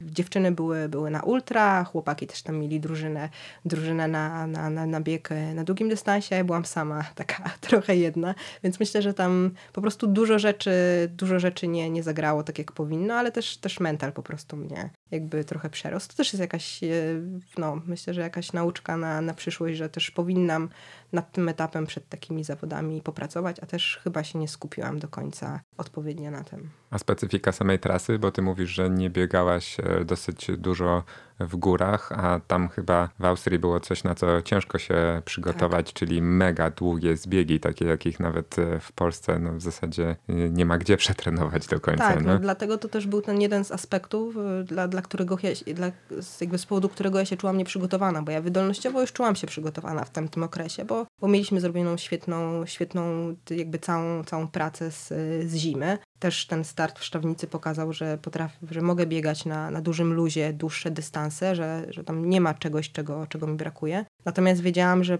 pod tą trasę, pod ten dystans trochę inne umiejętności będą, będą mi tam potrzebne, których przez to, przez te takie turbulencje prywatne nie byłam w stanie, w stanie zrealizować. Więc kilka rzeczy, które się nałożyło, ale tak samo, no jakby profil trasy też był rzeczą, którą mnie... Tylko, że ja nawet powiem Ci, że nawet nie, nie miałam okazji tak naprawdę dojść, w sensie zaliczyć jakichś tam pierwszych, pierwszych zbiegów, dlatego, że mnie po prostu odcięło na samym początku. Dostałam blok i, i blok fizyczny i blok mentalny i, i tam, wtedy nie wiedziałam, co się dzieje, bo ja nigdy się tak nie czułam podczas żadnego startu, żebym po prostu nie, nie miała siły, że mnie, mięśnie, nogi, wszystko mnie bolało od pierwszych, pierwszych kilometrów biegu. Chyba nie tylko ty, bo wszyscy śledziliśmy to i trzymaliśmy w ogóle za was e, kciuki i też zastanawialiśmy się, o co w tym wszystkim chodzi. Mm. Zastanawiam się też, czy długo się działo to potem w e, twojej psychice. Pytam w kontekście tego, że no jesteś e, znana z tego, ci, którzy cię śledzą, wiedzą, że e, no nie wiem, łatwo się wzruszasz chociażby tak na, na biegach, więc jesteś taka wrażliwa. Zastanawiam się, czy takie negatywne bodźce, no bo poza tym startem miałaś same pozytywne w tym sezonie, czy dobrze sobie z nimi radzisz, jeżeli chodzi o twoją osobę, jeżeli one dotyczą ciebie? Przede wszystkim jakby to, co, to, co w tamtym momencie, momencie zadziałało, to to, jakie w ogóle dostałam wsparcie od osób, które i były na miejscu, i od, i od osób, które jakby, nie wiem, bliskich, czyli i od mojego męża, i od Jacka, jakby bardzo mi to wtedy pomogło, jakby, okej, okay, że to jest jakiś wypadek przy pracy, zdarza się, każdemu się zdarza, że jakby sezon trwa, jeszcze mam szansę szybko się, szybko się jakby z, no, zrewanżować za to i też szybko nadgonić. Trochę przez to, że były trzy tygodnie do, do tej setki, to też nie miałam czasu, żeby za bardzo się na tym rozwodzić. Więc zaraz po tym, na drugi dzień po tym starcie, obudziłam się i pomyślałam, dobra, co możemy jeszcze dobrego z tego zrobić? Bo to, że ja teraz się nad sobą żalała i jak to mi nie poszło, jak to bardzo jestem rozczarowana też swoją postawą, to nic mi nie da. Jeszcze jestem w górach przez cztery dni, wy, mogę to wykorzystać. Więc też od razu jakby, jakby biorąc pod uwagę, że ten, ten wyszedł mi taki długi, chyba pięcio albo sześciogodzinny spacer po górach, bo tam też musiałam niestety, finalnie zostałam pomimo tego, że, że ja chciałam ukończyć ten, ten, no. ten bieg i to było tak, że, że mnie po prostu odcięli Należało przez... ci się tak, no, żeby cię puścili do końca. Tak, no trochę mi się, trochę mi się należało, ale no jakby, no też był długi, długi zbieg e, przede mną, więc może jakby pamiętam, że, że Jacek mi mi coś takiego, bo, bo oczywiście byłam tam, tam na linii zarówno z, z mężem, jak i, i z Jackiem podczas tego biegu. I pamiętam, że on powiedział, że może nie warto się tak męczyć psychicznie, bo, bo, bo to, co ja podczas tego, tego biegu w ogóle, tego marszu w tych górach sama jakby na końcu, nie mające siły w ogóle, żeby się tam przemieszczać, a jak bieg się psuje na, na początku, a masz tam 5 czy, czy 8 godzin do, do mety, no to, to jest dużo czasu z, ze swoimi myślami. I to jest taki, to jest, to jest ciężkie. Na, na tamten moment to było, to było ciężkie i pamiętam, że, że, że Jacek powiedział, że może nie warto się, nie warto się tak męczyć, ale cieszę się, że, że jakby to zrobiłam. Cieszę się, że nie odpuściłam wcześniej. Cieszę się, że jakby myślę, że finalnie dużo ciężej byłoby mi sobie z tym, z tym jakby mentalnie poradzić, jakbym w tamtym momencie odpuściła niż to, że, że starałam się jakby do, dotrzymać do końca. W jakiej formie, jakiej byłam, takiej byłam beznadziejnie, ale że, że, że jakby no, starałam się to ukończyć. No ale też szybko przekuć to, tą i porażkę i, i, i ten, ten zły występ w coś, w coś dobrego, więc to też był priorytet. No, fajna nauka z tego płynie, myślę, dla wielu osób, e, szczególnie ze względu na to, że wiesz, to i tak było naprawdę super udany sezon dla ciebie, bo no, na tym wysokim poziomie no to wiele osób e, mądrzejszych ode mnie zdecydowanie twierdzi, że na jeden sukces przypada 10 porażek, więc jak ta proporcja jest odwrotna, to chyba należy koniec końców e, się tylko z tego bardzo cieszyć. Chciałem zebrać wszystko do jednego worka, patrzeć ci głęboko w oczy, tak jak mówiłem. Dobrze ci idzie, widać, że ultraska. No, jest cały czas moc, ale, ale mimo wszystko gdzieś tam będę starał się tą klamrę już e, dla tej rozmowy zbudować i zbierając wszystko, co powiedziałaś e, do tej pory do jednego worka i gdybyś miała podpisać się pod jedną z tych dwóch teorii, o których e, mówiłem na samym początku i w kontekście twojego treningu i w kontekście tego, że jesteś trenerką też innych zawodników, to czemu bliższa jest twoja filozofia? generalnie róbmy jak najmniej, żeby podnosić swój poziom sportowy. Że jakby z tej perspektywy w swojej drodze znalaz znalazłeś taką drogę? Tak, tak, Myślę, myślę, że tak, że myślę, że to jest coś, co, co, co jakby może się wydawać um, dosyć kontrowersyjne. Natomiast jakby szukajmy tych metod, żeby jak najmniejszym kosztem osiągnąć po prostu jak najwięcej. I u mnie jakby oczywiście, że, że jakby wszyscy trenują dużo, wszyscy trenują mocno, ale zastanówmy się nie jak trenować więcej i mocniej, jak, jak, jak trenować efektywniej, więc też takie poszukiwanie trochę swojej metody treningowej, swojej drogi, myślę, że to, że to ma sens. Nie, jakby nie na każdego wszystko działa i to, co, co zadziałało na mnie, myślę, że na 50 innych osób nie zadziała, ale może ktoś jakby odnajdzie tym, w tym też swoją drogę. Zapytałem twojego trenera Jacka Teczyńskiego o twoje najmocniejsze strony. Zgadnij, co powiedział. O matko, chyba, chyba powie, że mój mental podczas startów, bo on uważa, że ja beznadziejnie trenuję. W sensie, że ja mam, jeśli chodzi o, o, o treny, o, o takie trochę podejście do, do treningu, to myślę, że tutaj jest dużo do poprawy, ale myślę, że jakby potrafię, potrafię dobrze, dobrze startować i lepiej startuję niż trenuję. Mhm. Tak? A co jeszcze? Okej. Okay. Jeszcze. O matko. Nie wiem, może jakieś tam zdolności adaptacyjne. Nie wiem. To ja ci powiem, co powiedział. Powiedział, że masz mocną głowę. To padło. Że jesteś wytrwała i że w trakcie zawodów, w kontekście samych zawodów, dużą zaletą jest to, że lubisz być z przodu i niespecjalnie rozpraszasz się, niespecjalnie interesuje cię to, co dzieje się za twoimi plecami, e, tylko dobrze potrafisz e, robić e, swoją robotę. Nie musisz się do tego ustosunkowywać. Ja w każdym razie chciałem właśnie tej wytrwałości oraz oczywiście zdrowia Tobie życzyć na koniec tego odcinka i dziękuję Ci bardzo, dziękuję że byłaś bardzo z nami. Za, za rozmowę. Dziękuję. A Was e, zapraszam na kolejne odcinki i zachęcam do podzielenia się tym podcastem ze znajomymi, którym ta wiedza może się przydać. Cześć i do usłyszenia.